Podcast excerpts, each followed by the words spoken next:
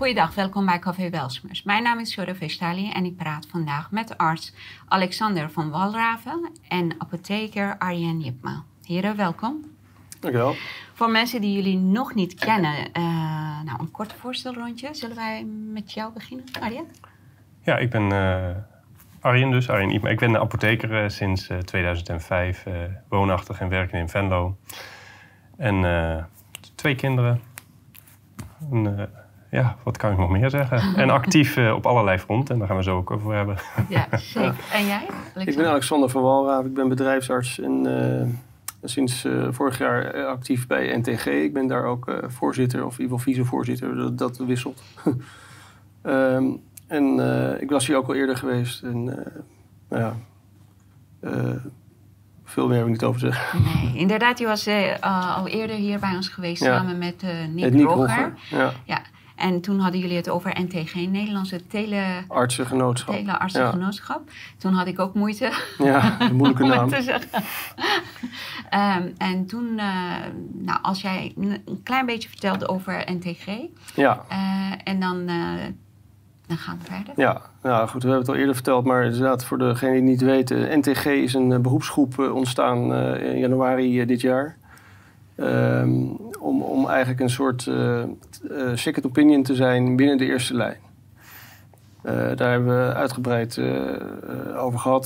zijn we nu langzaam aan het opbouwen. We zijn voornamelijk nu nog met COVID bezig. Maar de bedoeling is dat in de toekomst allerlei ziektebeelden worden toegevoegd daaraan. om zeg maar, expertise te bieden door artsen die zeg maar, zich wat beter bekwaamd hebben in bepaalde ziektebeelden.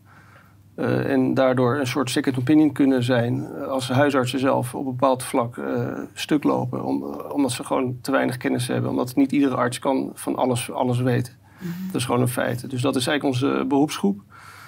En die zijn we dus januari begonnen. het, is, het, is een, het, het, is voortkomend uit de, de, de zelfzorg-COVID-groep. De zelfzorg-COVID-groep 19 is eigenlijk een organisatie die zich bezighoudt met acute COVID-behandeling. Uh, eerst begonnen met supplementen, dus uh, het, het, versterken van het immuunsysteem. Later zijn er ook medicijnen bij gekomen. Waaronder dus uh, ivermectine en hydroxychloroquine, maar ook een heel arsenaal aan medicijnen die bij verergende klachten dus, dus ook kunnen ondersteunen om mensen te behandelen. waarbij ook heel vaak ziekenhuisopname wordt voorkomen. In ieder geval vererging van klachten wordt voorkomen. Het zijn vaak ernstig zieke mensen die bij ons aankloppen omdat ze gewoon merken dat ze niet verder komen in de reguliere zorg. Dus, dus huisartsen, we hebben ook geen antwoord op uh, ernstige, ernstige COVID. En uh, ja, moeten daardoor zeggen tegen die patiënten van ja, we kunnen niks voor je doen. En als het niet gaat, ga maar naar het ziekenhuis. En ja, dat willen mensen vaak niet. het vertrouwen is ook dan een beetje weg op zo'n moment. En dan komen ze in angst bij ons. En wij kunnen ze dan wel vaak verder helpen. In ieder geval, dat is in de praktijk gebleken. Wij wisten dat ook niet 100% zeker, maar we hebben mensen zo goed als het kwaad ging uh, behandeld. En met, met hele goede resultaten waar we straks nog uh, op terug zullen komen. Nou goed, vanuit die zelfzorg COVID uh, is dus NTG ontstaan. Een idee om, om een soort second opinion te zijn in, binnen, binnen, binnen de, de eerste lijnzorg. Eerste ja. lijnzorg vooral, ja. ja. En toen hadden jullie al een beetje last van inspectie? Ja, hadden jullie waarschuwingen ja. gekregen? Hoe is dat daarna verlopen? Ja, de waarschuwingen die hebben we dus uh, hebben we verweer opgeschreven. Uh, uiteindelijk zijn de boetes inmiddels toch uitgedeeld uh, bij de meesten. Ik praat je over 17 artsen net bekeken. Ja, en daar sommigen die twijfelen nog of ze gaan betalen en misschien stoppen nu met, met, met het werk. Anderen die gaan het aanvechten. Het is heel verdeeld. het is maar net natuurlijk hoe bedreigend je dit vindt. Het is, voelt wel bedreigend, moet ik zeggen. Dit is echt een forse hoeveelheid geld die ze vragen. Het is vanaf 3000 euro. Per 50 recepten krijg je er de helft, dus de dubbele. Dus het loopt expon exponentieel op tot, tot, tot 150.000 euro. Dus dit kan je faillissement betekenen. En dat is, ja, dat zijn ze nu aan het uitdelen. We zijn nu een aantal artsen die zijn dus de, de boete aan het schorsen. En we willen dan een voorlopige voorzieningen aanvragen. Uh, een aantal artsen doen dat.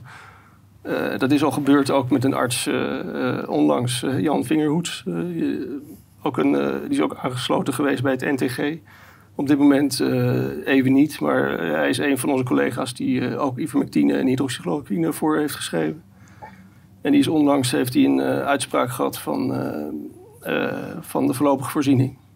En daar gaan we het straks ook even over hebben. Wat, wat dat precies was. En ik ga even naar jou. Uh, ik heb wel begrepen dat hij uh, een kort geding had aangevraagd. Naar aanleiding van de boete die hij had gekregen. Nou, een kort, ik, ik, ben geen jurist, maar hij heeft in ieder geval zijn boete aangevochten. Hij heeft, of niet aangevochten, hij heeft gezegd van joh, um, ik wil snel een beslissing hebben. Hij heeft hem aangevochten en hij wilde snel een beslissing hebben over het wel of niet mogen voorschrijven van dit soort middelen. Ja omdat er weer een nieuw seizoen natuurlijk aankomt met allerlei ja, griepjes en dergelijke, waarin het wellicht weer handig zou zijn als we dit kunnen doen. Alleen met die boetedruk is dat vervelend. Dus Jan Vingerhoets wilde eigenlijk een uitspraak van de rechter hierover en die wilde die versneld hebben. Nu gaat hij volgens mij ergens in ja, november, december, komt er alsnog een uitspraak over, ja, over zijn situatie waarin hij dus een boete heeft opgelegd gekregen voor het voorschrijven, het off-label voorschrijven van een, een middel wat, uh, uh, ja, wat in, in de standaard van de NAG wordt afgeraden. En dat is ook meteen de reden waarom uh, de inspectie zeg maar, er werk van maakt. dus wat er eigenlijk is, is gedaan, is, is, is gevraagd om een vervroegde uitspraak. en dat, dat, ja. dat, dat is niet toegewezen, dus hij moet nog even wachten. En eh, intussen kan hij ook nog meerdere uh, boetes krijgen. Ja, dat, dat, dat is het dus. Want uh, de rechter zei: het is niet, uh, het is, er zit geen spoed achter hier. Dit kan wel even duren. Want in, je mag in feite gewoon voor. wat staat er niet letterlijk, maar daar komt het op neer. Je mag gewoon blijven voorschrijven, maar wij blijven boetes uitdelen. Dus je, we laten je vrij. Ja, stond, in, stond er heel expliciet in. Ze zeggen niet letterlijk: het is goed dat je voorschrijft, maar we belemmeren je in ieder geval niet. We zitten niet in de weg. Maar we boeten wel. Dus... nee, we verbieden je niet om het voor te schrijven, maar we boeten wel. Ja. ja. precies dezelfde mentaliteit of hetzelfde argument die wij hoorden in verband met de vaccinatie. Hè? Ja, weet je, je hoeft niet de vaccin te krijgen. Het is je eigen keuze. Maar als jij het niet krijgt, kan je dit niet doen, kan je dat niet doen, kan je niet naar restaurant, kan je niet vliegen. Uh, indirect. Uh, Bij wijze geen leven meer. Dus, dus die keuze wordt eigenlijk eh, afgedwongen dan. Hè? Ja. In ieder geval, die neiging heb je om dan toch te kiezen voor iets wat je niet wil. Klopt. Ja. Klopt, heel veel mensen deden het. Ja. Maar in ieder geval, dus, en dat gaat allemaal omdat uh, jullie met ivermectine werken. Ja, dat zijn de twee, naast dus de hydroxychloroquine uh, en ivermectine, dat zijn de twee middelen waarvan uh, de inspectie op 25 maart 21 heeft gezegd van als dit wordt voorgeschreven, dan, dan kunnen artsen boete verwachten. Dat was ook meteen mijn moment dat ik eigenlijk uh, ja, een beetje bewust werd van wat gebeurt hier. Uh, hè, gevoelsmatig, uh, ja, ik las het, ik heb het weggelegd, maar een week later dacht ik, ik trek het artikel nog eens voorschrijven. Wat staat daar allemaal in? En toen, ja, toen ik ook nog een nagevoel van, um, moet ik nou een, een, arts, een collega zorgverlener gaan melden omdat hij zijn patiënten wil helpen? Of zou die echt verkeerde middelen voorschrijven? Dus dan, dan ga je erin duiken. En van het een komt het andere. Je, je, je krijgt allemaal informatie uh, over. Uh, hè, qua onderzoek uh, heb je voor's en tegens. En natuurlijk, de ene partij die gaat die omhoog houden, en de andere partij die kan. Maar uiteindelijk zag ik best wel veel informatie over hè, de werkzaamheid van ivermectine. Ja. waaruit bleek dat dat wel degelijk. Um, potentieel, of, uh, potentie had om, om, om uh, bij te dragen in, uh, in zeg maar, de pandemie die er dan was uitgebroken. Dus in, in, zeker in de vroegbehandeling. En daarmee de druk op het ziekenhuis, et cetera. Nou, je kent de hele riedel. ik heb toen vervolgens... ja, misschien is het wel leuk om even dat, dat lijstje te laten zien... met die resultaten ja. die ik tegenkwam. Dit is een tabel. ja, die tabel. Die, dat is een tabel... Kunnen wij die tabel in beeld krijgen, dat is eigenlijk een, eh, een internationale uh, website. Uh, ik begreep later, want ik ging ook eens kijken van waar komt het vandaan. Van, ja. van, in de Tess Lorry die legde uit van nou, dit is een, een structuur die is opgericht ook naar aanleiding van de uh, hoe heet het? Uh, er was eerder een epidemie met de ebola-uitbraak. Van nou, we willen als wereld gewoon bij een of andere uitbraak snel informatie kunnen uh, vergaren. En grote, groot onderzoek doe je niet zomaar eventjes. Dat is vergt veel voorbereiding. Maar als we nou een grote database hebben waar veel kleine onderzoekjes in kunnen, 200 man, 500 man dan vormt dat op een gegeven moment een, een volume waarover je wel degelijk uitspraken kunt doen. Nou, uh, dat is inmiddels veel groter uh, aan informatie, veel, veel meer gevuld dan natuurlijk uh, 2021 toen ik keek. Maar deze weergave die we hier zien, die laat zien dat early treatment, en dan gaat het even over 75 onderzoeken die ook al peer-reviewed zijn. Met andere woorden, die mensen die dat onderzoek hebben gedaan zijn opgebeld, getoetst door andere collega-onderzoekers. En daarmee krijg je een stempel hè, van je hebt het goed gedaan. Um, volgens alle regels en normen die gelden. En die 75 uh, eh, onderzoeken die we hier zien, uh, leveren bij early treatment, dus vroege behandeling, snel erop zitten. wij beschouwen dat meestal de eerste vijf dagen of de eerste week. Um, levert dat dus 61% reductie van meerdere uitkomstmaten op. Ja. Maar hoofdzakelijk dus dood, hospitalisatie en, en ernst van de klachten. Maar die eerste twee met name. Dus uh, ja, dat was toch wel een, een, een, database waarvan ik dacht: dit, is, uh, dit, dit zegt iets, daar moeten we wat mee kunnen. En toen ben ik uh, in contact getreden met, met de toenmalig enige voorschrijver van de middelen, met Rob Elens. En ben met hem in gesprek geraakt. En vanuit daar is het ehm, hele zelfzorg-COVID in NTG ontstaan? En nou, zelfzorg-COVID was er al. Oh, alleen, sorry, dat weet je beter. Ja, zelfzorg-COVID was er al. Alleen na aanleiding van die oproep stopten alle apotheken met het leveren oh, van dus dit soort middelen. En in dat gesprek met Rob Elens uh, dacht ik van ja, maar wacht even. Als dit echt wat doet, ja. dan, dan is het zonde dat we dit gaan laten liggen. Dus toen heeft hij mij gevraagd of ik dat wilde doen. En dat hebben we toen uh, in eerste instantie even telefonisch doorgenomen. Daarna per mail wat dingen afgestemd. We hebben daar een, uh, ik heb natuurlijk ook zijn protocol opgevraagd. En uh, dat was in eerste instantie het, het hydroxychloroquine verhaal vanuit een arts Selenko, die inmiddels overleden is. Maar daarna kwam ook het FLCCC-protocol, waarin ivermectine werd geadviseerd. En op basis daarvan zijn we dus gaan ja, starten met het uh, helpen van eh, de zorg, of het, ja, het helpen van de mensen met de zorgvragen. En wat ik ook nog heb gedaan, want je gaat natuurlijk toetsen van oké, wat mag wettelijk, of mag dit wettelijk? Je wil wel aan de regels voldoen. Dus uh, we zeiden van oké, je moet één, je moet echt wel informed consent hebben met die patiënt. Dus dat deed de arts in het begin al met het consult. En er moet afstemming zijn tussen arts en apotheker. Dus dat deden we ook. We hebben natuurlijk ook samen het eh, behandelprotocol opgesteld. En eigenlijk zeiden van als we dat volgen, dan is niks in de hand. Wijkt de arts daarvan af, dan nam ik even contact op. En ja, en het was ook belangrijk dat, dat het off-label schrijven moest een beroepsgroep hebben. Waar, waar die een protocol zou hebben of in ontwikkeling zou hebben.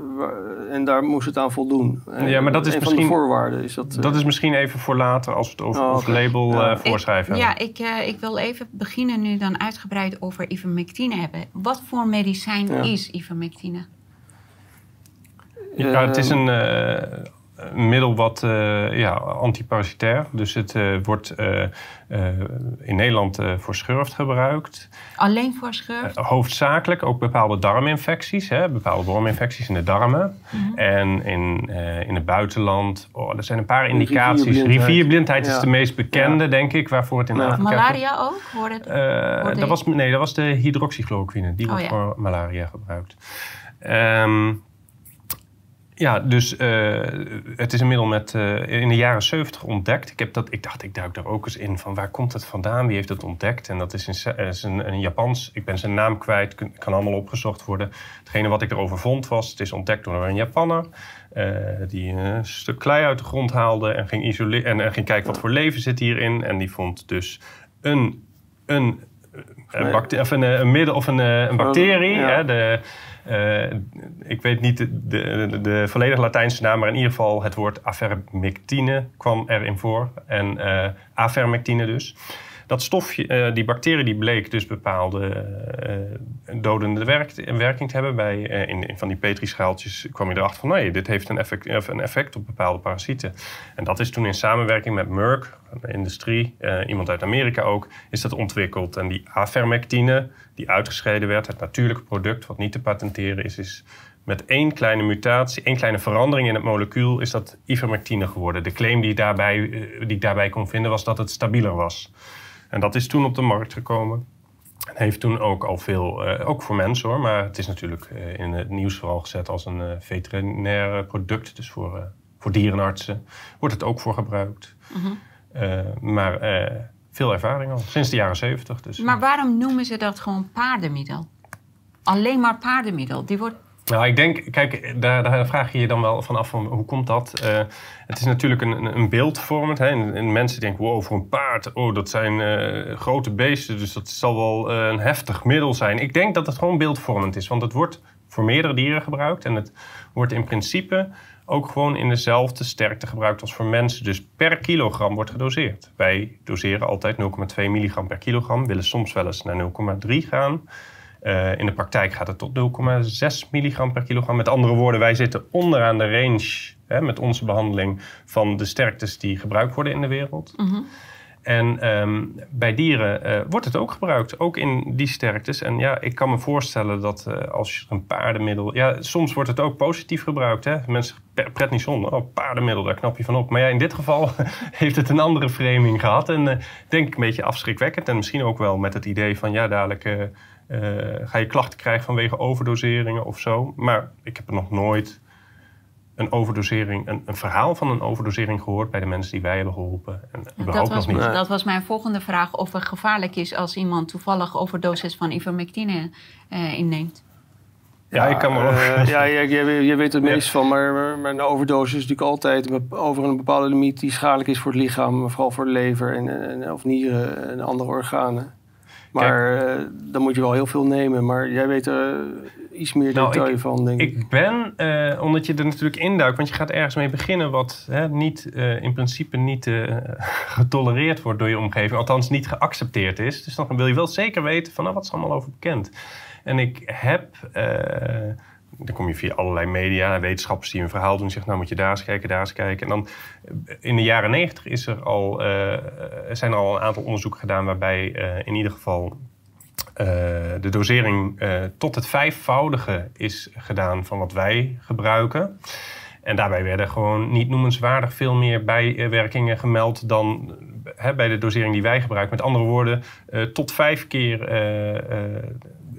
de sterkte die we nu gebruikten was veilig. En daarnaast staat het natuurlijk ook bij de WHO, bij, hoe heet die lijst ook weer, de Essential... Essential nutrients, ja, medicine. medicine ja. list. en, met een ja, zeer, eh, zeer goed veiligheidsprofiel. Ja. Het heeft eh, geen wisselwerkingen. Ja, eentje heb ik. Dus dat was ook vrij makkelijk in de medicatiebewaking. Als iemand kwam, was er één vraag als het ging om andere medicatie. En dat was een bepaald eh, middel tegen een antiviraal middel. Het wordt bij HIV gebruikt.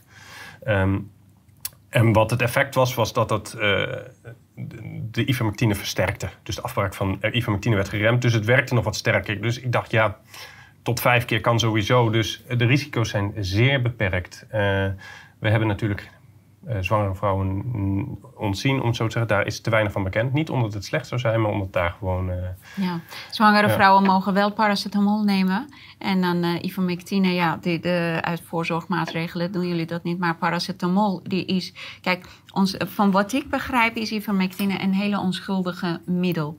mhm. Ja. En tegenwoordig heb je heel veel mensen die via... Nou, dealers, het is een eh, hele... di- Maar ze gaan gewoon eh ivermectine bestellen. Omdat het niet via apotheker te verkrijgen is. Mensen gaan gewoon kijken wie het Ja. eh, Ja. privé verkoopt of Ja. weet ik veel wat. En dan gaan ze zelf die pillen nemen. Nou, als dat gevaarlijk is, als overdosis gevaarlijk kan zijn... Nou, op zo'n manier... eh, ik denk dat de overheid geen goede aanpak eh, heeft. Dan stimuleren ze Ja. eh, een onverstandige gebruik van ivermectine. Maar ik ken heel veel mensen die dat zelf doen. En ze nemen preventief één keer per maand of per twee maanden eh, aantal eh, pilletjes. Ik weet niet voor wat. Maar ze Ja. zijn up en running en ze hebben voorlopig nog nergens last van. Dat, dat klopt. Het is, het is ehm, wat dat betreft een, een, een relatief veilig middel. Dat durf ik ook wel te zeggen. Want eh, we hebben natuurlijk eh, Het is 50 jaar op de markt, hè? langer dan 50 jaar. ja, van de jaren Zoiets. 70 jaar. Ja. Dus ja, Ja. in die... In die en die heeft ook Nobelprijs gewonnen. Ja, ook dat inderdaad. Voor Ja. eh, de vele ja, zaken. Vele die toepassingen, maar vele dat zegt toepassingen. niet alles over de veiligheid natuurlijk Nee. meteen. Maar Nee. eh, achteraf gezien is dat wel zo gebleken. Ja, Ja. Ja. oké. Ja, nou ja, het gevaar is inderdaad dat, dat, dat je niet weet wat er in die, in die potjes zit. Eh, en daarom Klopt. eh, hebben wij het via eh, Ja. Arjen eh, vinden, zeggen we tegen de mensen... ja, liever dat je het via de apotheek bestelt... omdat dan zeker weten dat de juiste dosering erin zit. Er is natuurlijk ook heel veel tegengehouden. Want ik heb natuurlijk ook wel mensen aan de lijn gehad... die zeiden, ja, ik heb het drie keer proberen te bestellen... en drie keer werd het onderschept bij de douane... Dus er was ook wel daadwerkelijk volgens mij inzet om dit product op alle manieren ja, in ieder geval tegen. Nou snap ik dat je medicijnen via internet, uh, dat, daar kun je van alles van vinden. En uh, dat snap ik helemaal. Maar het leek specifiek ja, op dat, middel te gaan. Dat is ook belangrijk. Kijk, de, de, de, de ordehandhavers of, of de handhavers... Die, die kan je niet alles verwijten, want die doen wat het wordt opgedragen. Hè? En als je kijkt naar die lijst net van die, uh, die lijst... die ongelooflijk veel onderzoeken laten zien... met een positief effect voor deze middelen een hoog percentage wat uh, uh, daalt uh, qua sterfte, IC-opname en zo. Dus je hebt heel duidelijk een beeld dat er een werking van uitgaat. En wat, wat ze eigenlijk suggereren door het, bij de NAG is dat ze zeggen...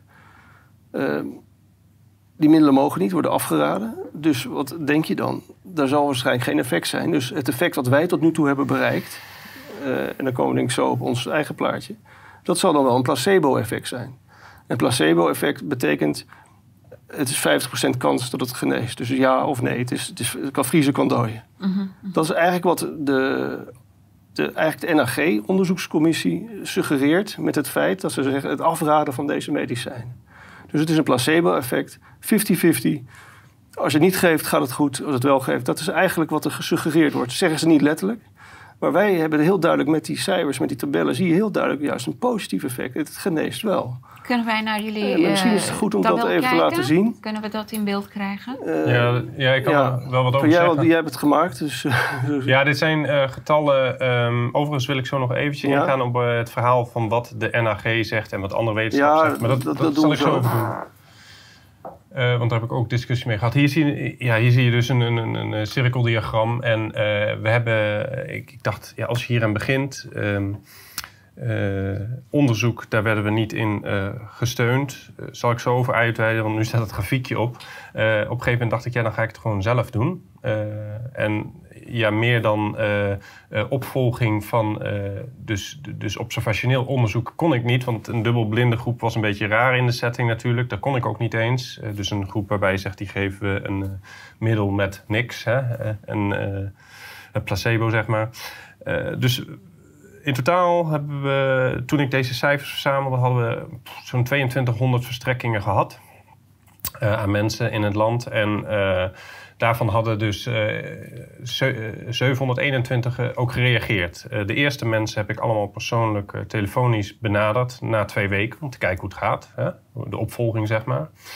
Maar ja, het is toch een beetje spannend. Je denkt van ja, er wordt zoveel verteld, ik wil het goed monitoren. Dus ik mhm. hou contact. Dus naast die informed consent deed ik ook nog opvolging van wat het nou werkelijk deed. En dat registreerde ik ook allemaal. Dat was, uh, dat was een maandje of drie, vier. En toen heb ik gezegd, dit wordt me te veel. Heb ik iemand daarvoor aangenomen om dat te doen.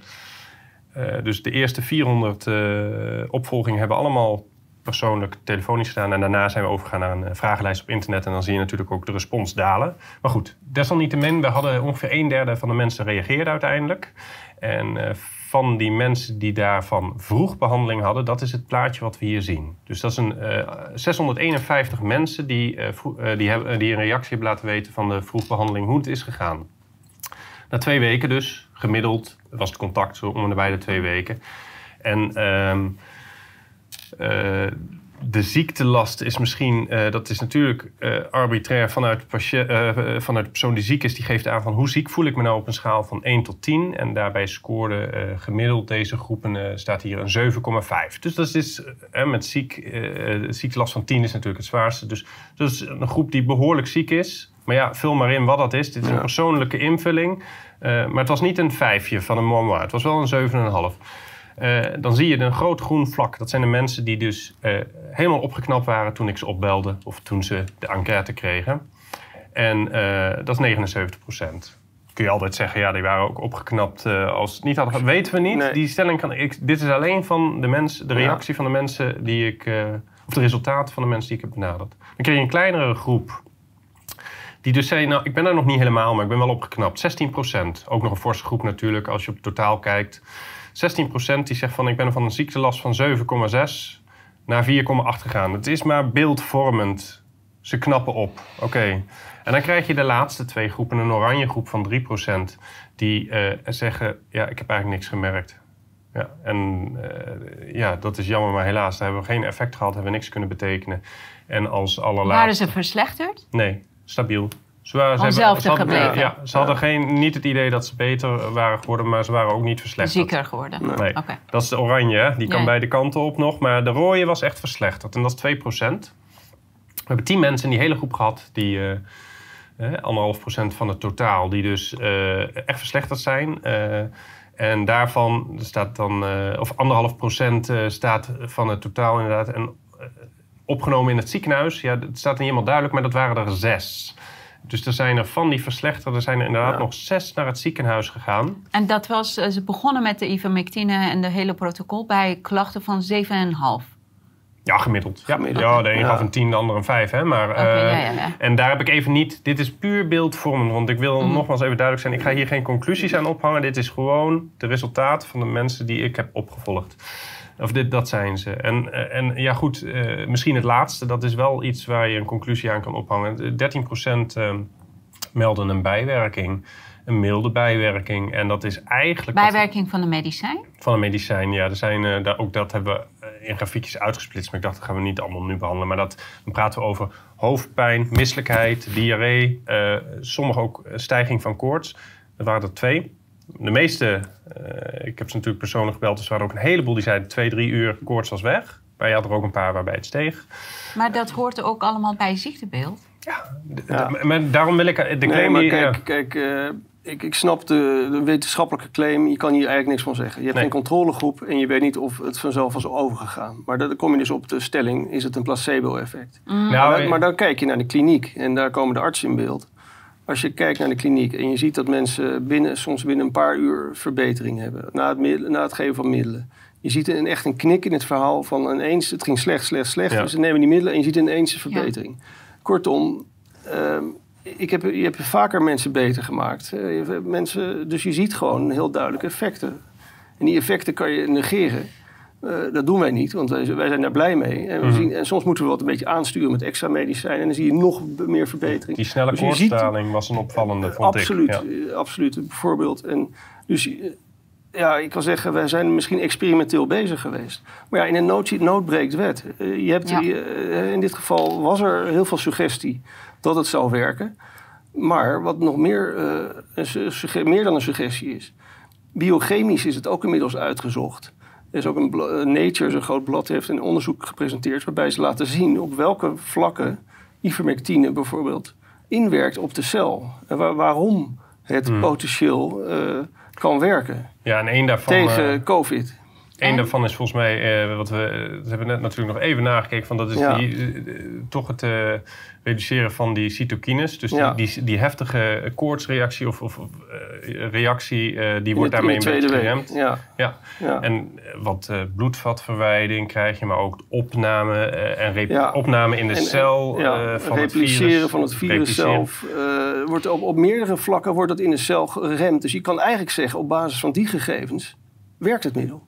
Mhm. Eigenlijk is dat onomstotelijk eh, aangetoond. Het heeft in, in de kliniek zien we het ook. Eh, wat er precies de winst is, dat moet je er gewoon uitvogelen.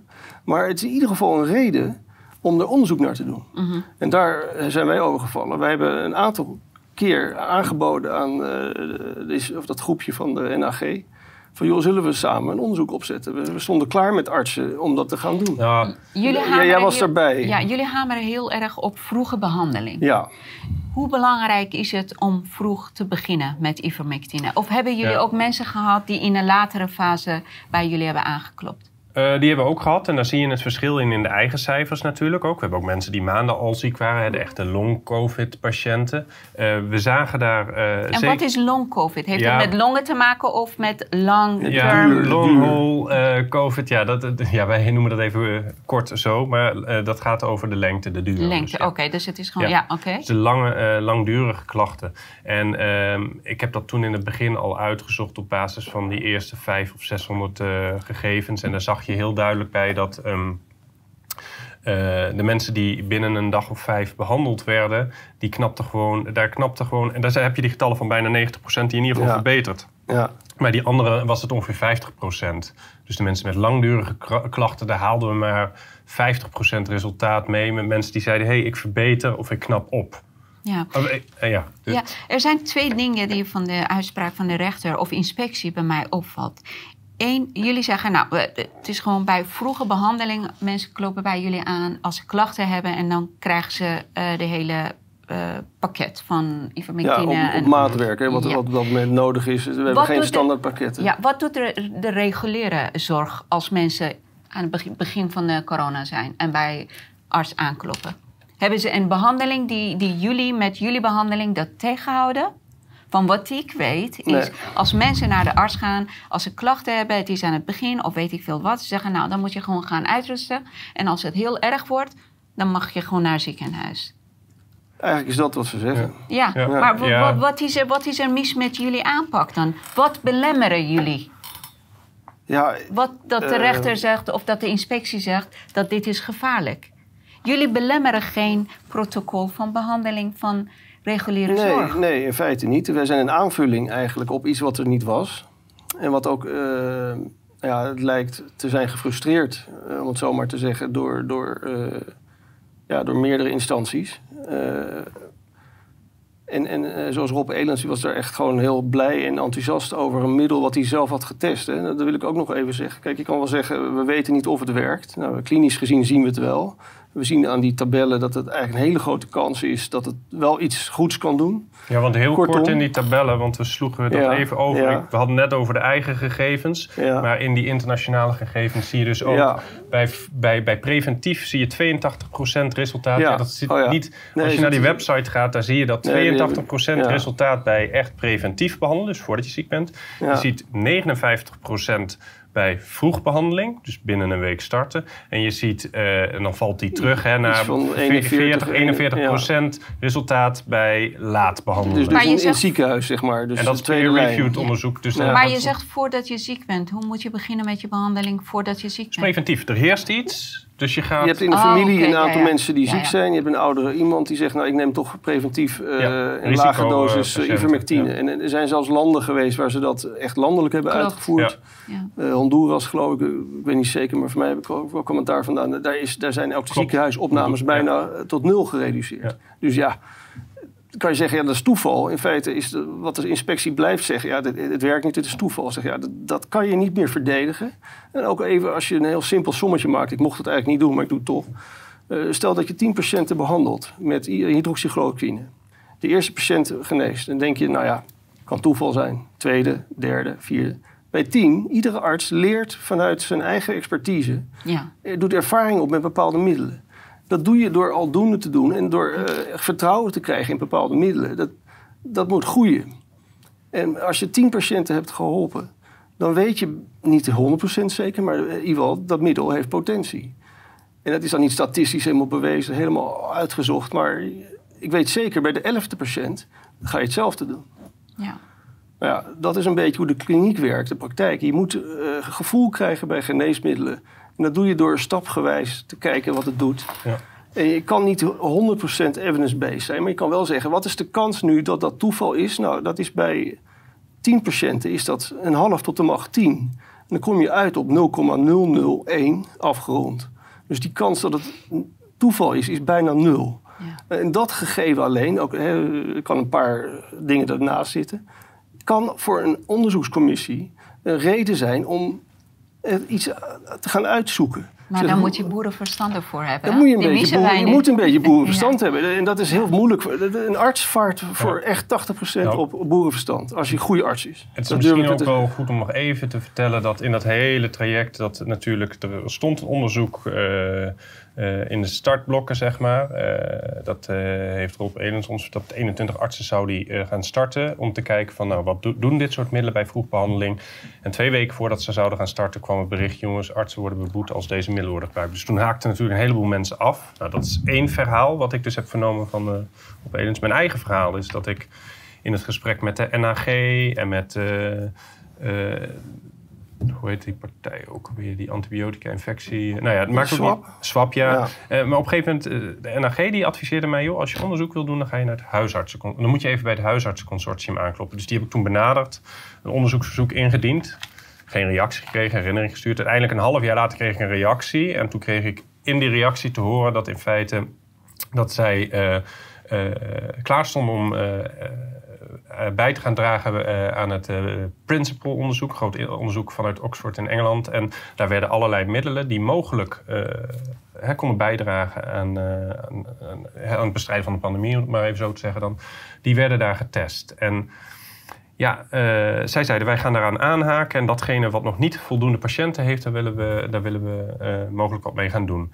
Maar uiteindelijk, ja, dat onderzoek is nog steeds, dat loopt nog steeds, althans voor wat betreft ivermectine. Voor vier middelen hebben ze al uitslagen, maar Het belangrijkste. het loopt al meer Ja. dan een jaar en ik heb ondertussen ook vernomen van, eh, van hoe heet die man, ene Campbell, die, die zei ook van ja, op een gegeven moment was het tijdelijk gestaakt, want er was niet genoeg voorraad. Al met al, het duurt, het duurt, het duurt en het duurt en er komt niks uit.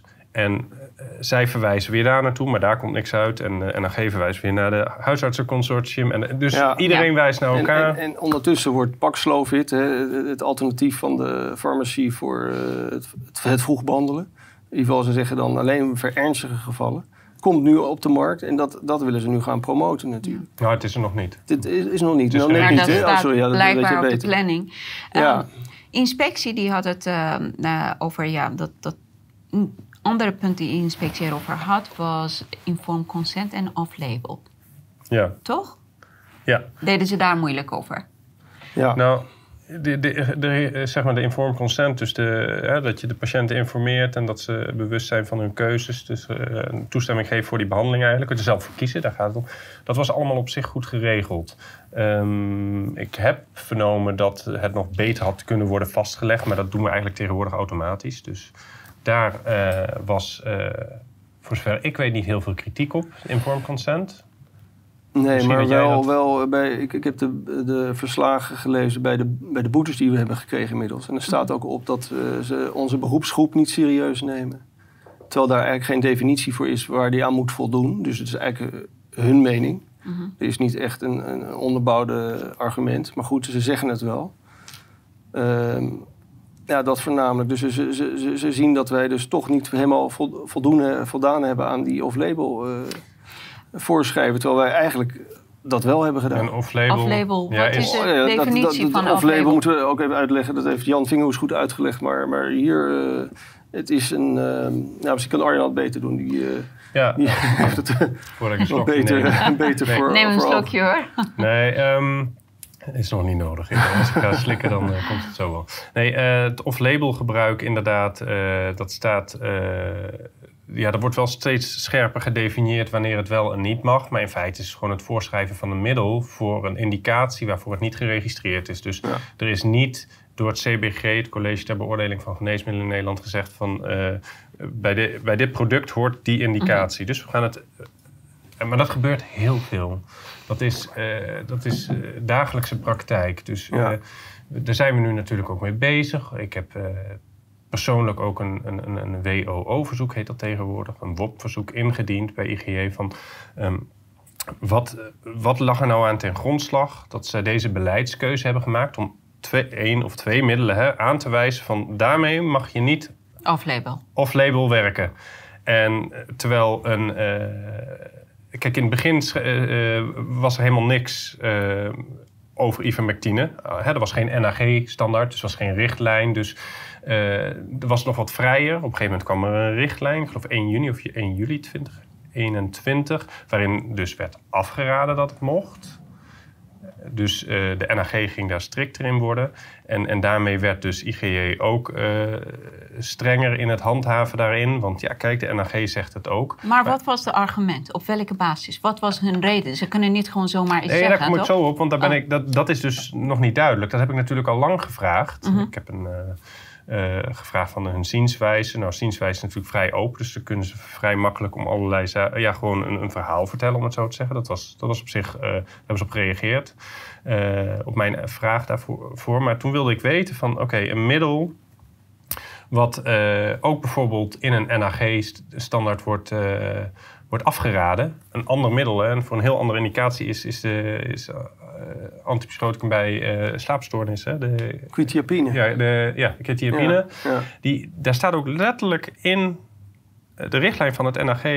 wij raden dit af Hè, wegens uh, onvoldoende bewijs en uh, ja, kans op vervelende bijwerkingen. Dat staat er gewoon in. Maar dat is vanaf 2014 al geoorloofd. Er wordt niks mee gedaan. Het wordt echt duizend keer per week ja, dat, voorgeschreven. Ja. Het is een heel gangbaar middel voor ja. slaapproblemen bij mensen. Dus die situatie is identiek. En dat had ik dus bij de inspectie neergelegd van je hebt dit en je hebt dat. Waarom doen jullie hier uh, wel handhaven en daar niet? En daar kreeg ik dan een zienswijze op. Maar nu heb ik dus een, uh, een zo'n uh, WO-verzoek ingediend... om uh, de onderbouwing van deze beleidskeuze aan mij duidelijk te maken. Nou ja, dat, dat heb ik in juli al gedaan. Hè. Dus dat, is, dat gaat dan juli, dien je het in... Nou, dan bel je een keer, gewoon waar blijft jullie reactie? En dan ga je de formaliteiten maar in. En dan uh, doe je een ingebrekenstelling sturen. En dan komt daar ook niks op. En dan stuur je, ja, dan stuur je een verzoek naar de rechtbank.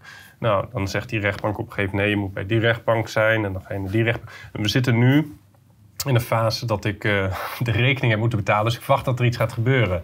Uh, maar de, ja, ik hoop dat daar meer duidelijkheid ik uitkomt. Heb, ik heb nog een ander voorbeeld van off-label. Kijk, anticonceptiepillen, die kennen wij allemaal. En die is zeer schadelijk. Sowieso, het is gebrek aan informed consent. Als, want het wordt bijna bij, aan elke jong meisje aangeboden. Anticonceptie is bedoeld om zwangerschappen tegen te houden. Maar het wordt aan elke klein meisje of jonge meisje die last heeft van acne, die last heeft van zware menstruatie, wordt die aangeboden uh, zonder bij, uh, erbij te noemen wat voor zware bijwerkingen anticonceptie heeft. Dat is echt verschrikkelijk. Ga maar gewoon die bijsluiter lezen. Het, is, uh, het is heel erg. En het is niet alleen uh, schadelijk voor jonge meiden. Want die komt allemaal dan uh, via je ehm, plas gewoon in riool. En we weten dat medicijnen en hormonen worden niet 100% uit onze drinkwater weggehaald. Dus die komt indirect ook in de lichamen van iedereen iedereen neemt het in. Dus eigenlijk, je kan, als je zo kijkt, dan heeft iedereen in het land last van de anticonceptiepillen die off-label worden geschreven zonder informed consent aan jonge meiden. Ja, en daar maken ze geen probleem van. Dat gebeurt niet, denk ik, bij huisartsenpraktijken. Want ik weet heel goed dat ze die heel zorgvuldig juist bij jonge uh, meiden goed voorlichten. Ja. Oh nee hoor, ik heb wel ik nou heb twee dochters. er is één middel wat daarvoor wel geregistreerd is. En die wordt dan ook, uh, dat is een combinatie met ciproteron, meen ik nog uit het hoofd. Maar dat is, is dus even om dat aan te vullen. Uh, er is één anticonceptiepil die ook wordt gebruikt voor de indicatie uh, acne.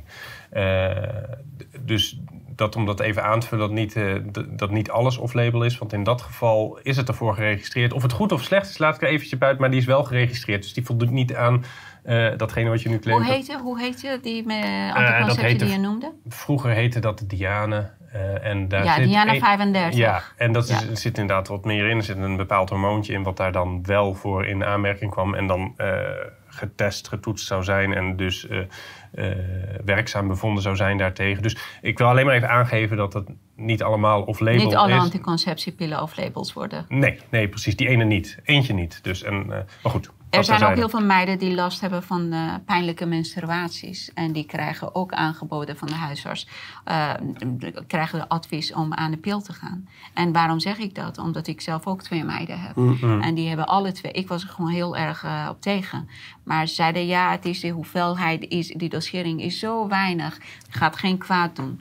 Maar ja. hoe meer ik me erin verdiep, hoe meer ik, denk, ik achterkom dat ja, dat ik... niet 100% klopt ik denk dat dat nu ook wel een fase is die aangebroken is, ook binnen apothekerswereld hoor. Dat er steeds meer wordt gekeken naar maar waarvoor doen we al die pillen? Waarvoor? Is het altijd allemaal goed? Of kunnen we er iets kritischer naar kijken? En uh, wat betreft de pil, uh, ik ken uh, dat ook. Hè? Maar ja, het, het, is een soort gewoon norm geworden. Dus ja, je doet helaas. maar. Maar ik zie wel steeds meer, en dan niet specifiek op dit onderdeel, maar toch wel op het onderdeel van gezondheid wat alles omvat natuurlijk, van waarom stoppen we overal standaard al die pillen in? Mhm. Kunnen we het niet op andere manieren oplossen? En dat is toch wel een groep die nu binnen de apothekers eh, wel aan het ontstaan is. Dus misschien leuk om even te noemen dat Ja, er steeds kritischer zelfs. wordt gekeken naar eh, waarom doen we wat we doen? Is het allemaal wel echt nodig? Of doen we maar een protocolletje uitvoeren eh, eh, omdat we denken dat het goed is? En eh, de leefstijlapothekers die... eh, Heten die- ze zo? Ja, ja, dat is natuurlijk zo'n beetje een, een trendy naam. Maar goed, eh, eh, het idee is natuurlijk eh, ontstaan om, om, omdat eh, ja, er toch wel twijfels kwamen over al die verstrekkingen. Die richten zich ook wat meer op van kunnen we niet eh, afbouwen. Maar met name ook kun je niet de dingen voorkomen door je leefstijl aan te passen. Dat is natuurlijk gewoon, eh, er zijn allerlei vormen om dat te doen. De huisartsen hebben natuurlijk ook zo'n groep.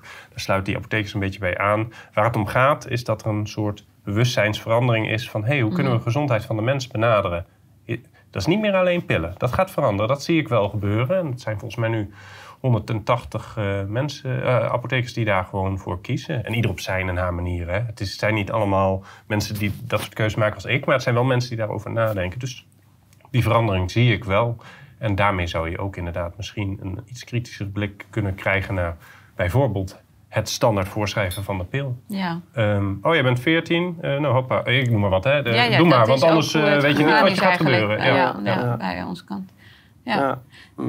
Nee, maar dan, dan komt het bij mij ook op dat, kijk, je, je, je ziet dat er zijn heel veel mensen die eh goede resultaten hebben bereikt met ivermectine. Mhm. Ik ken ook heel veel mensen in mijn eh, kring dat ze hebben gelijk met de klachten bij COVID hebben ze ivermectine gebruikt. Ja. En ik ken geen een van die mensen die last heeft, eh, eh, of die last heeft van long COVID. Ze zijn, als ze genezen zijn, dan zijn ze ook gewoon up and running. is goed Na dat hun dat zegt. herstelperiode. Ja. Ja, Kijk. en, en dan Ja. zeg ik nou, kijk, je ziet gewoon resultaat. Maar bijvoorbeeld mensen die chemotherapieën krijgen. Je, je, er is geen arts die eh, jou kan garanderen dat chemotherapie 100% zal effect hebben. Het is een kans dat die aanslaat. En je weet dat je puur gif binnenkrijgt.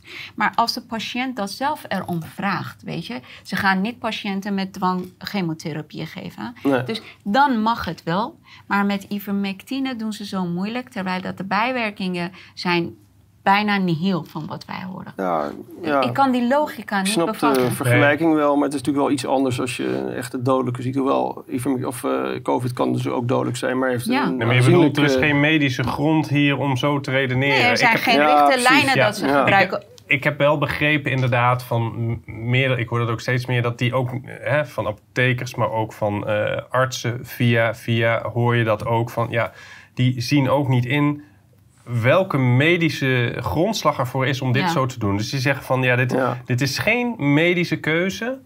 Eh, en daar kan ik me helemaal in vinden. En dus is Ja. het een ander iets. En dan eh, ga je snel richting politiek Het heeft niks met, met zorg te maken, hè, zoals Jan Nee, ook zei, ja. zei in het interview. Ja. Ja, dus, dus eh, daar wil ik verder geen uitspraak over doen. Maar daar ga, Ja. hoor je wel iedereen zo van... joh, Ja. we gaan... eh, Zelfs de euthanasie wordt goedgekeurd als patiënt lijdt en die wil graag euthanasie hebben. Ja, Die wordt zelfs goedgekeurd. Maar we Ja. horen ook dat patiënten zelf... Ik heb eh, ook van Jan eh, Vingerhoed gehoord dat, Ja. dat hij heeft het zelf nooit gepromoot. Hij heeft het wel Nee. gegeven omdat de patiënt erom heeft gevraagd. ja, daar is een vraag naar. Ja, de- de- ik zeg nou, euthanasie mag, maar Ja. dat... ja.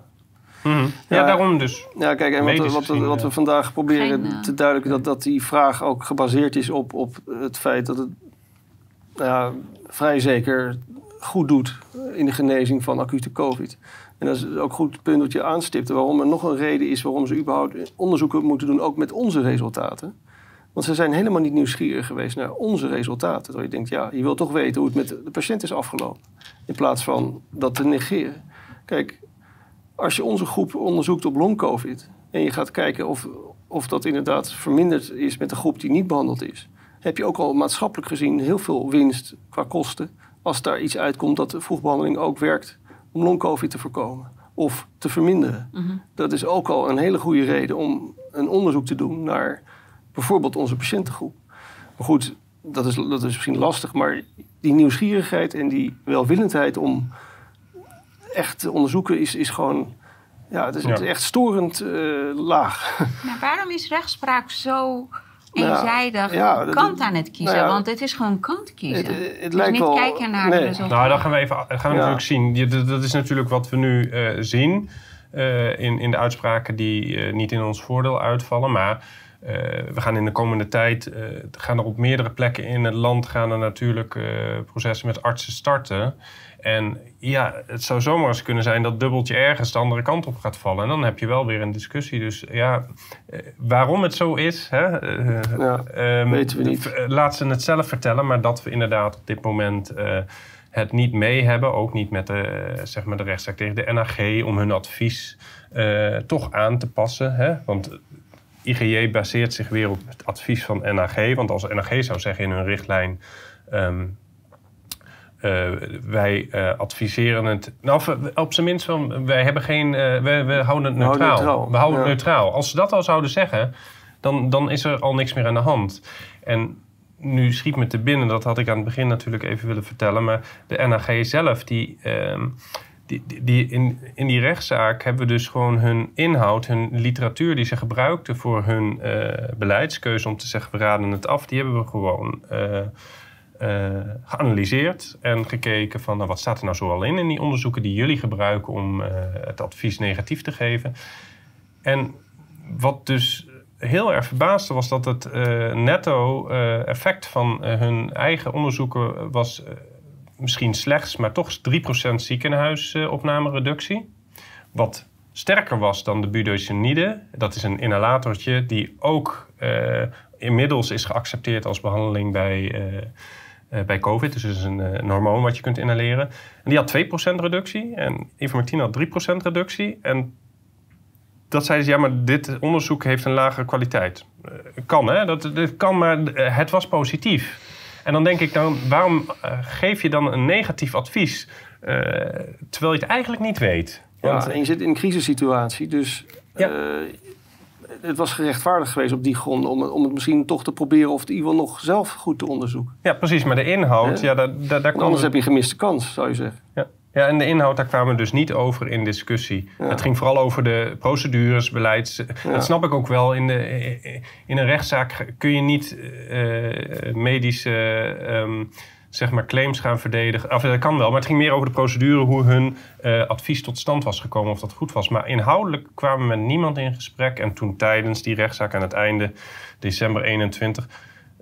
kwamen we er ook achter dat het nieuwe, eh, zeg maar het nieuwe advies van de NAG, eh, vroegbehandeling COVID, dat werd niet meer eh, door hun zelf gemaakt, maar dat werd gewoon ingekocht.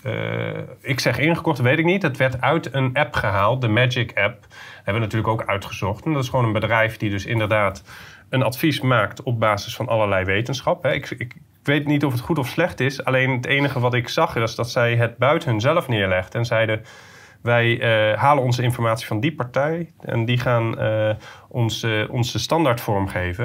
En die standaard die werd, die werd ook voor Engeland en ook voor Ja. Canada en ook voor. Ja. Dus, dus, dus je zag dat, dat eh, de informatie wel uit een zeer beperkte bron kwam. En dat, dat vind ik zelf altijd twijfelachtig. Dan denk ik, ja, als je op een gegeven moment zelfs jouw standaarden gaat uitbesteden. Ja, en hoe betrouwbaar was eh, die bron? Nou Eh, ja, d- daar is iemand ingedoken, daar ben ik niet zo ver ingedoken. Mij gaat het er vooral om, als jij een club bent die ergens voor staat, dan ga je ook je eigen informatie. Ja, dan. Zeker als er intern mensen, eh, van, leden van jouw club, een ander beleid hebben, eh, dan ga je die ook serieus nemen. En dan neem je dat ook mee in je overwegingen. Maar daar werd. eh, Kijk, het, het belang voor vroegbehandeling is natuurlijk zo groot geweest als je een crisis wil oplossen. In ieder geval in, in mijn ogen. Dus je zou iedere kans aangrijpen bij, bij een potentiële werking. Dat hebben ze gewoon eigenlijk helemaal genegeerd. mhm. Eh, in het begin hebben, ja, hebben ze dat in ziekenhuizen wel geprobeerd, maar dan zit je in de tweede lijn. Dan hadden ze natuurlijk minder effect.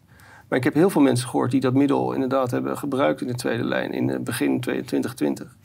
Die daar zeiden, ja, het werkte voor een groot deel wel. Maar politiek beweert, eh, mensen in de Tweede Kamer, be- ze beweren dat, dat, dat dit een eh, vreselijke aanpak is.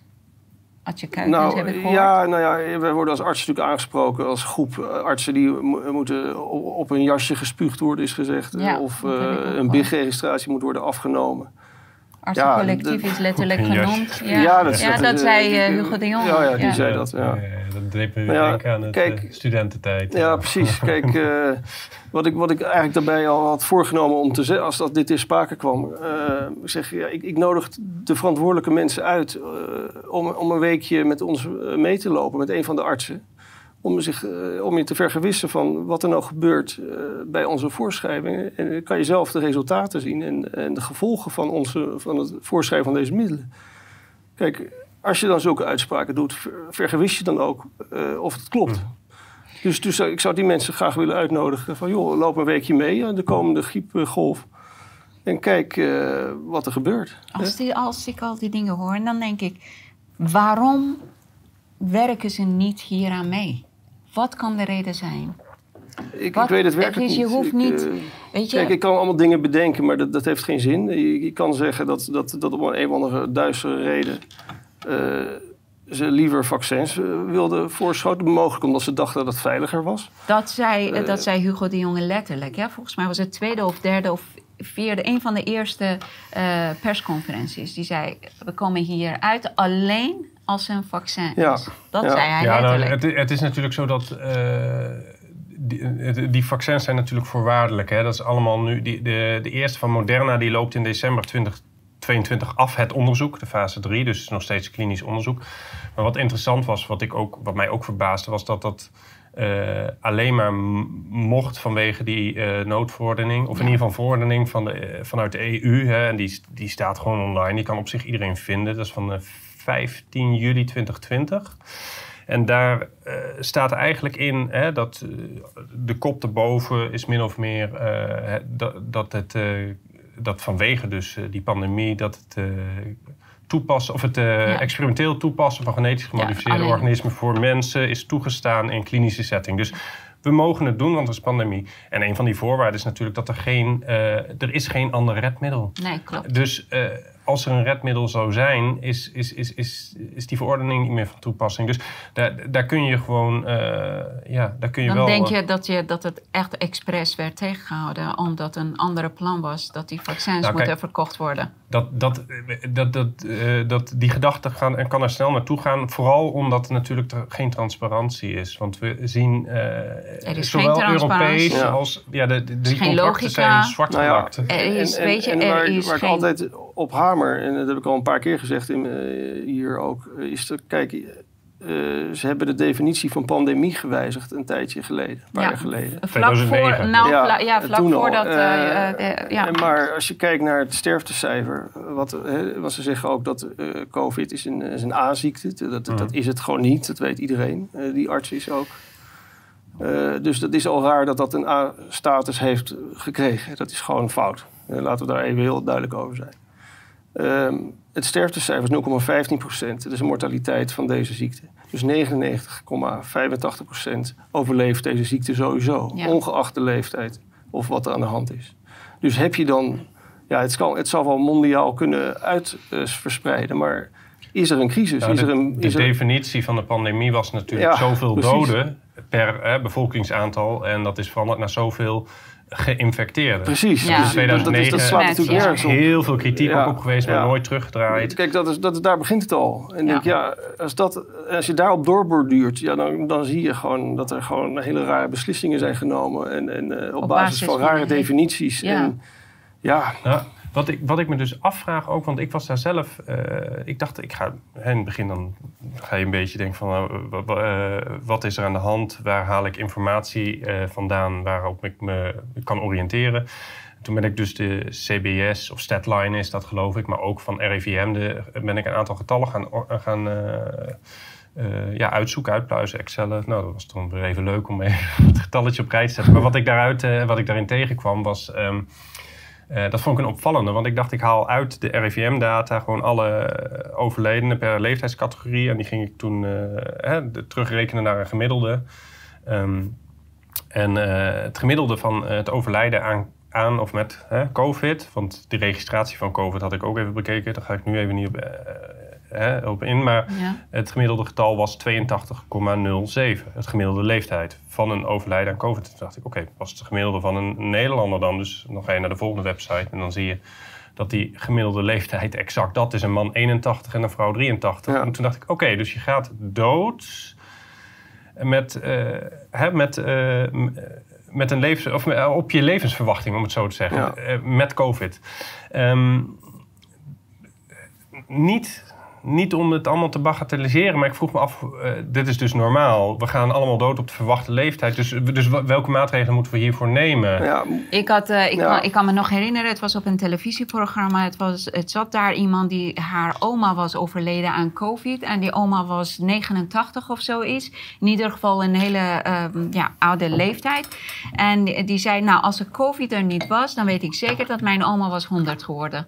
En iedereen zat te betreuren. Kijk, elke dood is, Ja, maar elke ook, dood ook van de dierbare kan je is... dus heel goed behandelen. Ik, ik heb een man van 95, die eh, werd door de huisarts niet behandeld. Die kreeg midazolam. Nou, dat is een klein, klein zetje van eh, ga maar. Hè, maar even tussen neus en lippen door. Maar toen heb ik die behandeld en dat was binnen een week beter. En die was 95. Dus ouderen hebben Mhm. ook baat bij Klopt, ja, die- middelen. Kijk, zelfs als dat niet Dus- bevestigd is, het is gewoon proberen waard. Het is het probleem. Nooit geschoten, altijd mis. Is ook zo'n boerenverstand, mag je niet denken. Ja, het is wel zo. Ja. Een vraagje aan jou. Ben jij ook onder de loep eh, bij de inspectie? Nee, ik, ehm, ja, ik ben natuurlijk, eh naar aanleiding van de melding, eh, ben ik eh, Welke melding? onverwacht. nou, gewoon van, van ja, dus wat, eh, wat gevraagd werd door de IGE. Dus Oh. dat het collega's jou eh, melden als jij dingen doet die. eh, als Werd jij dat letterlijk gevraagd? Ja, dat, in dat bericht eh, werd eh, onder de kop natuurlijk verzocht om eh, aan apothekers en artsen om, om artsen die dit voorschreven, maar dus ook apothekers die dit leverden, om die te melden. En ehm, ik ben, ik weet het eigenlijk niet. Ik heb vanuit onze koepelorganisatie wel direct naar die. naar, die aan, naar het onaangekondigde bezoek ben ik bezocht en kwam er een artikel online van wij gaan ons beraden op maatregelen eh, voor apotheken die dit doen. Dus eh, nou ja, ik, ik, ik heb, eh, laten zo zeggen, ik heb een paar mensen eh, in die organisatie persoonlijk benaderd en even gebeld en even uitgelegd. gezegd, Wat is dit? Waarom, waarom zouden jullie dit doen? Leg mij eens uit. En Hadden zij eh, jou... nu zij niet, maar ik ken wel mensen, zeg maar. Dus eh, er, is een, er is vanuit de koepelorganisatie KNP is er toen een bericht uitgegaan in december 21, ik weet niet exact de datum, maar van ehm, wij gaan ons beraden Mhm. op maatregelen tegen apothekers die dit doen. En, eh, maar er is nooit wat gebeurd. En dat begrijp ik ook heel goed, want wat willen ze doen? Ehm, eh, ja, gezien we, wat we net allemaal hebben besproken. Ja, ik ben natuurlijk wel eh, iemand die dan niet aan de lijn blijft lopen. Maar in principe doe ik geen schade en ben ik Ja. gewoon... En, en ik heb mensen gebeld intern die ik ken. Die, dus dan, dan is, is, is al snel is het een andere setting. Eh, als je afstand houdt en alles formeel via mail doet, dan, wordt het, eh, dan kan het een andere kant op gaan. Maar dat maakt niet uit. Eh, ik heb nu niks. En IGJ heeft mij ook nog niks. Ik ben, ja, iemand zei laatst gekscherend, het lijkt wel het wietbeleid van de, de, de, de, het, het verkopen mag, maar het produceren, Nee. voorschrijven niet. Ja. Ehm, eh, ik, daarom zit ik hier misschien ook iets relaxter eh, dan eh, de artsen die aan tafel moeten schuiven. Want die zitten toch wel wat. Die zijn me echt aangevallen. Ik ben gevisiteerd. Ik heb mijn uitleg gedaan. Ik heb ook gewoon alles gevraagd en gedaan wat ze wilden. Enige tegenstand over het opvragen van 750 receptregels heb ik wel gegeven.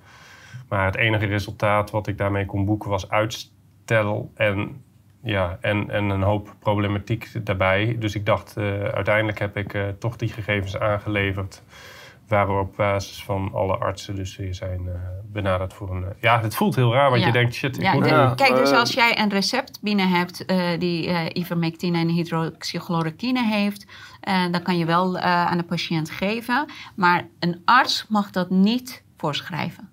Ja. Maar als, als er een arts is die het doet, dan Nou, mag Kan het, jij nee, zo- die mag het wel voorschrijven, maar die krijgt boetes. Ja, je mag het. Ja, ja, tuurlijk. Ze belemmeren Ja, je ja, niet, ja, ja, Dat ga je niet Nee. tegenhouden. Nee, maar dus, dus daar zie je al die rare kronkels. Dat Ja. is heel vreemd. Maar voor, je- Maar- voor jou is het nu nog, voor apotheker is nu nog geen belemmering om het Nee. aan de patiënt mee te geven op basis van een recept. Nee. Oké. Dus een apotheker kan daarin kiezen. En eh, ik begrijp ook heel goed dat een heleboel apothekers die die informatie kregen dachten van nou, ik eh, ga dit niet doen. Eh, maar ik, heb, ik ken ook collega's die wel degelijk gesteund hebben. Dus, er zijn, eh, Ja. Ja. dus ik ben niet alleen geweest. Nee, Nee, we waren op een gegeven moment drie apotheken in Nederland, een beetje verdeeld over Nederland, die, Mm. die allemaal leverden. Drie in totaal? Drie Ja. waren er, ja, van allemaal. Ja. Maar is dat aantal gegroeid? Of is nee? Dat is nu- is de enige Dan die ben ik nu weer alleen. nee. Ja. Nee, Maar dat- waarom zijn die andere twee Nee, het volume Ja, nam af. En ja. eh, er waren wat dingetjes die speelden. Dus dat Konden ze niet niks aan doen ook hoor. Nee, Dus, nee, eh, dat was niet... eh, nee. Laten we zo zeggen, alles kan nog steeds. Maar eh, op dit moment Ja. is het ook niet nodig. Ja. Want het is echt niet zo druk met COVID. Wel met andere dingen, maar niet met... eh, nee. Nou, ze beginnen te piepen, hè? Dat de Het- aantal het- besmettingen loopt het, op. komt, het komt er waarschijnlijk wel weer aan. eh, Maar wat ja. nu? Wat nu? Ehm, ja. Ja, wij- wij, gaan eh, zo goed als het kwaad, eh, als het kan, gaan wij door met, eh, met, met wat we moeten doen als, als artsen. Je hebt je aan je eten houden, dus we gaan gewoon door. We hebben gelukkig met crowdfunding ook heel veel bereikt. een groot bedrag opgehaald waarbij we die boetes kunnen betalen voorlopig. Maar ja, het gaat natuurlijk exponentieel omhoog. Dus dat wil ik nog even op terugkomen. Dat is natuurlijk eigenlijk heel raar wat die rechter nogmaals zegt. Ik vond, ik blijf het leuk vinden. Ja, maar zulke zegt, rare eh, conclusies zegt kennen we. dat, dat, dat, dat een boete is, is, is geen straf. Nee, hè? Het belemmert ook niet. Zeg, Oh. In mijn wereld is, is een boete een straf. Ja. Ik weet niet Een boete hoe het krijg je- tegenwoordig is. Maar Een boete krijg je als jij doet wat, wat je niet is. mag doen. Wat je niet mag doen. Ja. Maar dat, dat, dat vind, ik, ik vind het heel raar dat, een, dat de rechtspraak zoiets uitspreekt. Ja, ik, ik heb, ben niet juridisch geschoold, maar ik vind dat een, een beetje een zwakte bot eigenlijk. Als ik het zo mag zeggen. Ja. Maar goed, dat terzijde. Maar wij gaan gewoon door omdat wij onze plichten moeten nakomen. Maar Zover jullie het hebben kan. ook de steun van mensen nodig. Ja, natuurlijk, we hebben alle steun nodig. En, eh, Maar ook, dat is eh, toch bizar, hè? Kijk, eh, maar overheid... ook niet voor ons, maar voor jezelf. Hè? Ja, Dat is maar eh, overheid gooit met bakken gewoon geld weg naar, weet ik veel, Ja. LGBTQ-dingen eh, in, in Italië. Of eh, oorlog in eh, Oekraïne, of wat dan ook. Of heel Mhm. veel dingen dat je denkt, oké, dat heeft op dit moment geen prioriteit. Maar zulke dingen, die eigenlijk, dat is de taak van overheid om zijn bevolking te beschermen. Dan gaan ze Ja. de belastinggeld niet daaraan besteden. En een normale mens, normale bevolking van Nederland, die zich al be- blauw betaalt aan de belastingen. Ja. En ze hebben het moeilijk met de inflatie en alles die erbij komt. Moeten alsnog eh, betalen voor dingen die komen gebeuren door de nalatigheid of verkeerde aanpak van overheid. Hoe pijnlijk is dit? Ja, ja. Hoe pijnlijk is het? Ja, dit, dit, Ja. dit, dit- dit is natuurlijk destructief voor, eh, voor veel mensen. Ja, niet zozeer onze setting, maar gewoon alles wat er nu gebeurt. Eh, Dat is misschien een heel mooi verhaal. Of heel wat werk voor Follow the Money, om het zo te zeggen. Want je hebt tijd over geld hier, geld daar. Dat, dat klopt. Er gebeurt gewoon een hoop wat eh, niet bijdraagt aan Ja. een gezonde maatschappij. ja maar kijk, Dat is, kijk dit, dit gaat over, eigenlijk over leven en dood.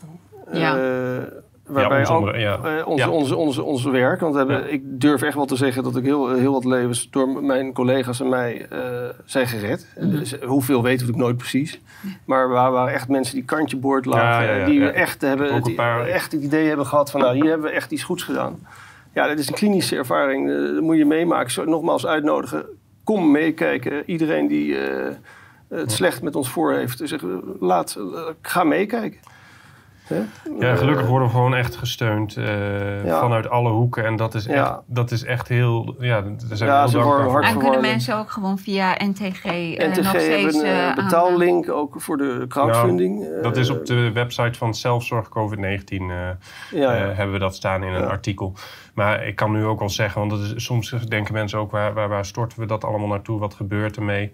Eh, ik vind transparantie altijd heel, heel belangrijk. En ik denk, we hebben nu... eh, we gaan richting de 3000 donaties en we hebben die boetes er bijna uit. We hebben ze net uit, maar goed, er komt weer wat nieuwe aan, weet je. Ja. Dus, dus eh, we zijn echt heel erg geholpen met wat er nu is gebeurd. En dat gaat in totaal gaat het toch om een bedrag wat vooral binnen is gekomen in een paar weken tijd van 85.000 euro. Dus dat is zoveel steun. Ja. Dat is, ja, Ja. maar dat is echt bizar dat de overheid dit op, op zijn. eh, dit- Ja. geweten heeft misschien. Nou, op zijn, op zijn bevolking dwingt.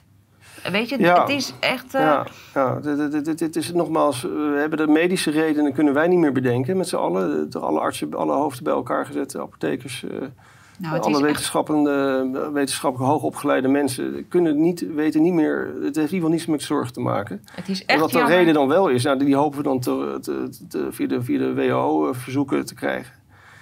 Eh, en en eh, ja, en nogmaals, het gaat over leven en dood. Neem het wel serieus. Ik, ik zou het niet om mijn geweten willen hebben als, als je achteraf blijkt dat het misschien toch iets goeds doet. Hè? Wat Ik- heb je dan in godsnaam aangericht? Ja, denk, ik wil ja, even mijn zin afmaken. Ik vind Ja, het sorry. echt, echt zonde, eh, echt verschrikkelijk dat de overheid en rechtspraak Ja, de bevolking op zo'n manier in de steek laat. ja, Dat is echt niet te begrijpen. We kunnen hem wel de hele tijd proberen te analyseren ja. en proberen te begrijpen. Het is niks te begrijpen. Maar Nee. als mensen nu hulp nodig hebben in verband met eh, COVID-klachten, kunnen ze alsnog bij NTG terecht? Ja. Nou, bij zelfzorg COVID-19. Bij Nee, zelfs Dat is ook- NTG. NTG. Sorry, ja. NTG.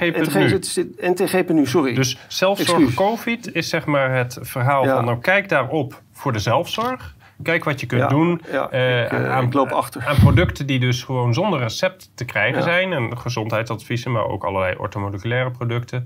Eh, zink is natuurlijk een bekende, maar er zijn een heleboel middelen. Eh, we hebben binnenkort ook eh, voor mensen die na eh, zeg maar, eh, aanleiding van eh, vaccinatie bijwerking hebben gekregen, eh, ook adviezen.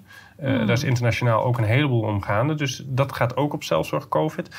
Eh, kom je er dan niet uit of is dat niet voldoende, dan kan eh, de NTG, ntg.nu, eh, daarop eh, kunnen mensen zich melden. En eh, eh, dit zijn dan twee eh, actuele onderwerpen, maar je kan ook gewoon voor de ziekte van Lyme of zoiets, eh, hè, eh, eh, Ja. kan je je melden. Want we hebben ook wat expertise van die nichegebieden, zoals Alexander eerder beschreef, waar, waarop mensen gewoon eh, Ja. hun zorgvraag kunnen Ja, indienen. en die, die Ja. gebieden staan op, ons, op die site inderdaad benoemd. Ja. Er zijn er zijn nog maar een paar. Ja. Maar dat willen we gaan uitbreiden. Maar goed, we zijn natuurlijk zo druk bezig met, eh, met eh, de COVID. Nou, het bestaan van eh, eh, eh, zelfzorg COVID-19 en NTG is heel erg, belang ja, heel erg belangrijk voor Nederlanders. Echt. Ja, jullie zijn, ja, wij, jullie zijn wij denken dat we zeker van meerwaarde zijn en, en nog meer kunnen worden in de toekomst. dat is zeker zo. Hebben jullie nog iets dat jullie willen delen met onze? eh, een vraag, een verzoek, een eh, mededeling? Ik heb volgens mij alles wel. eh, Nou ja, misschien eh, nogmaals dus de dank eh, eh, daaruit. eh, dank voor alle steun die we Ja, krijgen. tuurlijk. En die Ja. ook eh, Jan Vingerhoets met zijn vier tassen met eh, kaarten en dingen Ja. die die kreeg. Ik merk, ik merk heel duidelijk dat er een omslag gaande is in eh, de manier naar waarop eh, naar ons wordt gekeken, zeg maar. Niet alleen ons, maar gewoon naar de hele situatie. En dat, dat voelt eigenlijk wel goed. Ik, eh, ik merk dat er, ik krijg er energie van om lekker door te gaan. Alle steun Ja. eh, die we krijgen, ja, dat is super. En eh, waar het schip mag stranden, dat weten we natuurlijk niet. Maar voor mij zitten wij op een goede weg en ja, eh, daar blijven we ik, mee door. wat Jan ook zo mooi zegt, eh, met opgeheven hoofd en goed geweten kan ik de zaal verlaten. En, en zo geldt het voor alle artsen van NTG en eh, alle medewerkers. Eh, wij, wij doen naar eer en geweten wat we moeten doen, wat, wat ons hart ons ingeeft. Dus Mag ik jullie bedanken graag voor alles wat jullie doen, voor dit gesprek. En eh, Graag gedaan. ja, wat Dankjewel. leuk. Dankjewel. Dankjewel. lieve mensen, bedankt voor het kijken. Eh, wij hebben elkaar en we zorgen samen dat onze schip veilig strandt. Tot volgende keer.